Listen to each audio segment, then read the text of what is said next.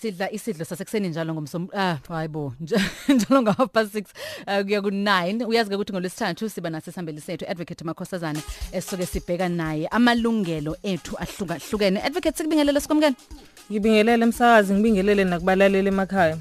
Advocate sibheke izinto ezahlukahlukene ezithinta abantu besifazane njengoba sibheka amalungelo ahlukahlukene. Em namhlanje sibheka ilungelo lokuthi eh ube nomhlaba. Ngizothi umhlaba kodwa ngizothanda thanda ukuthi ngithathe ngihlanganise konke ngithi nje iproperty njengomuntu wesifazane. Siyazi ukuthi siphuma esikhathini la lento kwakuyinto ngempela eyalwelwa kanzima kabi ngoba kwangavumelekile kuqala. Umthetho uthini njengamanje? Njengamanje emsakazi umthetho sisekelo lo sithi constitution of the Republic of South Africa lapha ku section 2 uthi iyona uwona umthetho sisekelo ongaphezulu kwayo yonke imithetho ekhona eSouth Africa. So ngisho noma thi umthetho wenkosi umthetho wesigodi umthetho wasekhaya uguqa lapha kumthetho sisekelo sidlulele lapha ku section 8 u section 8 uthi uma ngabe kuukuthi khona umthetho o omiswayo kumele uhambisane nomthetho sisekelo kungenjalo awukho semthethweni. Size ku section 9 u section 9 we constitution uthi wonke umuntu uyalingana phambi komthetho nokuthi ukucwasa ngokwebala ngokobulili ngokuthi ushadile noma ushadile konke lokho akukho emthethweni. Bese singena kulesi kuyona ke namhlanje le e property le impahla usection 25 uthi akukho semthethweni ukuthi umuntu ancishwe impahla ngoku ngokungemthetho. Okusho ukuthi uma ngabe sibuyela lapha kulokade sikusho ku section 9 uthi uma ngabe umuntu ezoncishwa impahla ngokuthi owesimame lokho sekuyaphuma esandleni somthetho. Mhm. Mhlawumbe uma sibheka eindaweni zasemakhaya eh makhosazana ke kubukeke sengathi into le esavamile ukuthi yenzeke eh uhlelo ezanamuhla ngolwesino lwedlule. Loke lalibheka lolu daba eh labe xoxisana khona nabesifazane baphinde baxoxisana nawo futhi amakhosi ngaludaba lomhlaba. Isidlo sasekuseni sikhathazeke kakhulu ngendaba yokuthi abantu besifazane ababelwa umhlaba kwaZulu Natal ikakhulukazi ngoba lento siqala ukuyikhuluma nohulumeni ngo2 2000 sisaphikisana naye ukuthi imithetho enjengano Communal Land Rights Act. Akangayiphasisi ngoba inikeza amakhosi neinduna amandla agcina thina esesigcindezela kufanele ukuthi umelelwe umuntu wesilisa bese leyo mhlaba sekuzoba umuntu wesilisa ubhalwe ngegama lomuntu wesilisa. Isikhathi esiningi mase kushone ubaba ekhaya kuba khona ukuthi abantu besifazane baxoshwe. kwaZulu Natal ngaza amakhosi amabili aba umhlaba ebela abantu abasifazane kodwa ngizwe ukuthi abaholi bendabuko esinabo bala ko 300 okusho ukuthi wonke lo 98 awubabeli abantu besifazane umhlaba. Umthetho sisekelo walelizwe uthi sabantu besifazane sinelungelo elifanayo nelabantu besilisa. Ngenhlanhla ke legal resources center yasilekelela ukuthi siye koba challenge kwi constitutional court. Safike saliwina icala.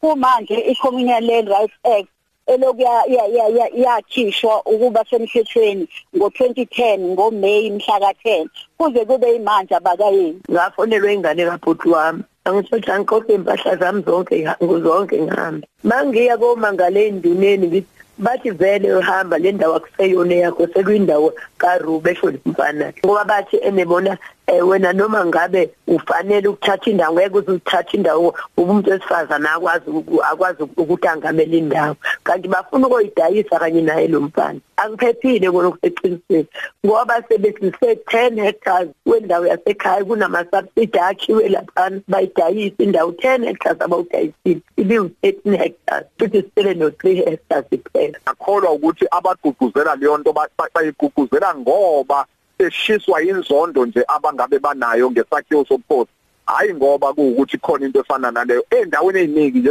zasemakhaya uma ungaya kuzo njengamanje uzofika uthola ukuthi lapha ikamaspanibani ongazange waze wenda kodwa wakwazi ukuya kokhulekela indawo wakwazi ukuyithola.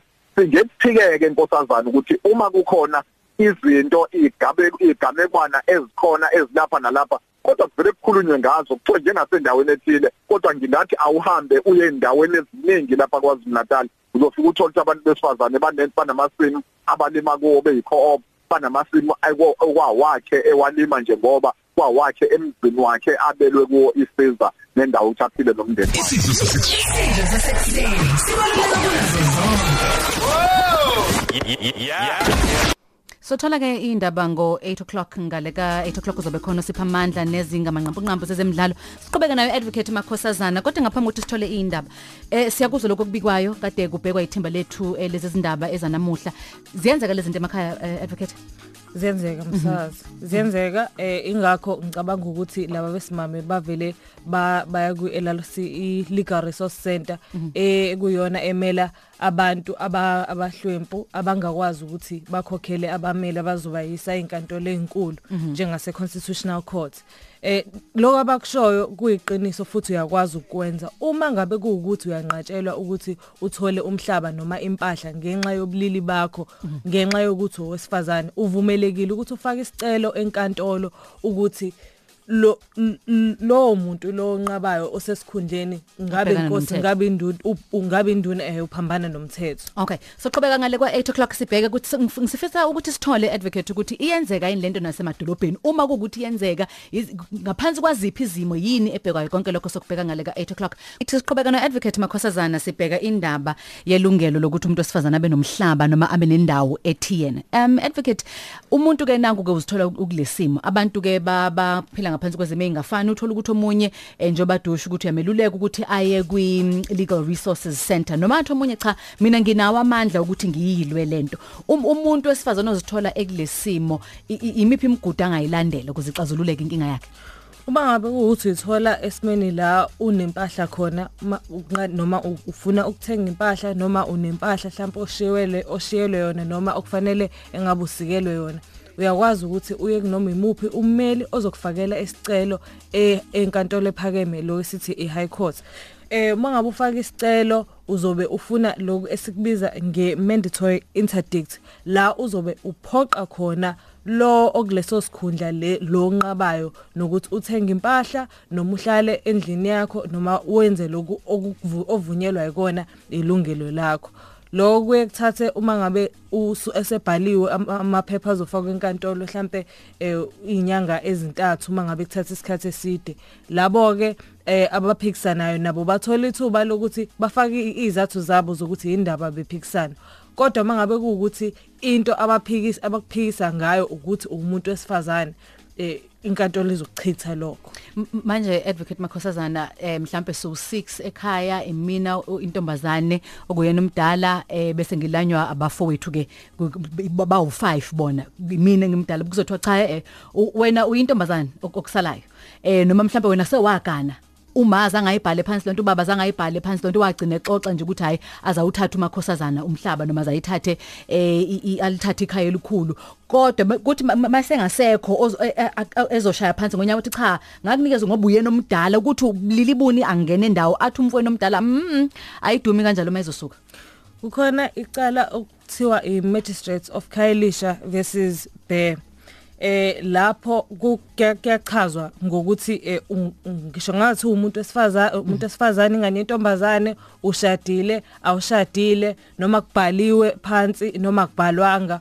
Uma ngabe uyingane yakulowo muzi unelungelo elilinganayo nawo wonke umuntu ngaye ngale kobulili bakho.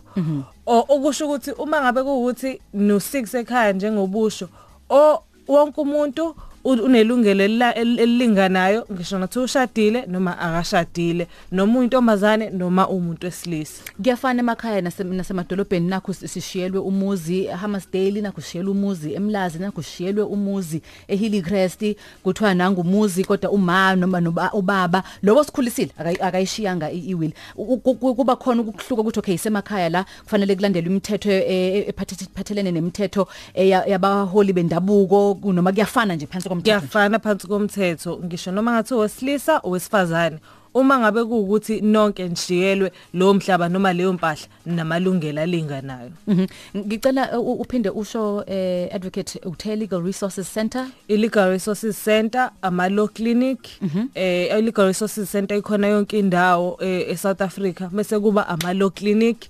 Ama-law clinic ikhona la e-ukzn law clinic nama-university amaningi anawo ama-law clinic uma ngabe kuwukuthi umuntu akanayo imali.